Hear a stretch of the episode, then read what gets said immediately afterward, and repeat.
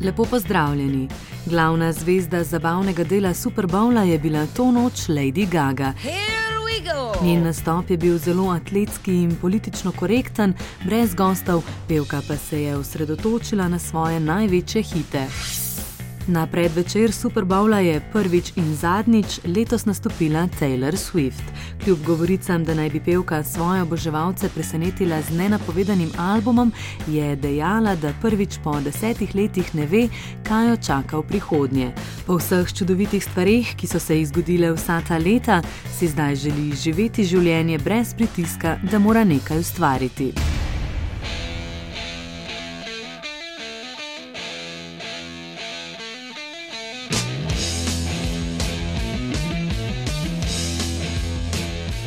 Glasbeno kariero pa je dokončno sklenila skupina Black Sabbath.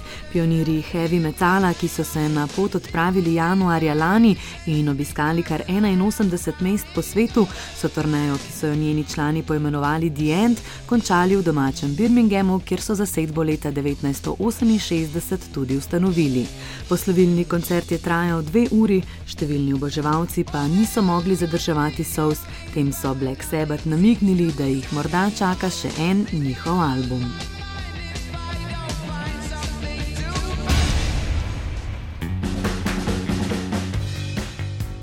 Na velika platna prihaja Eric Clapton. Ameriška filmska ustvarjalka Lili Fini Zenek, ki je leta 1989 za produkcijo filma Šofer gospodične Daisy prejela Oskarja, se bo lotila režije dokumentarnega filma o britanskem glasbeniku.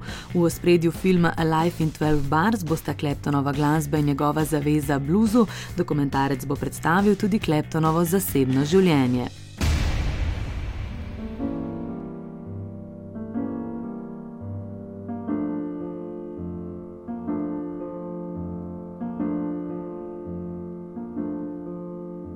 Za konec pa še zanimivost: ste se kdaj vprašali, ali je v poznejših letih življenja prepozno za učenje instrumentov? Britanski koncertni pianist James Rhodes pravi, da ne.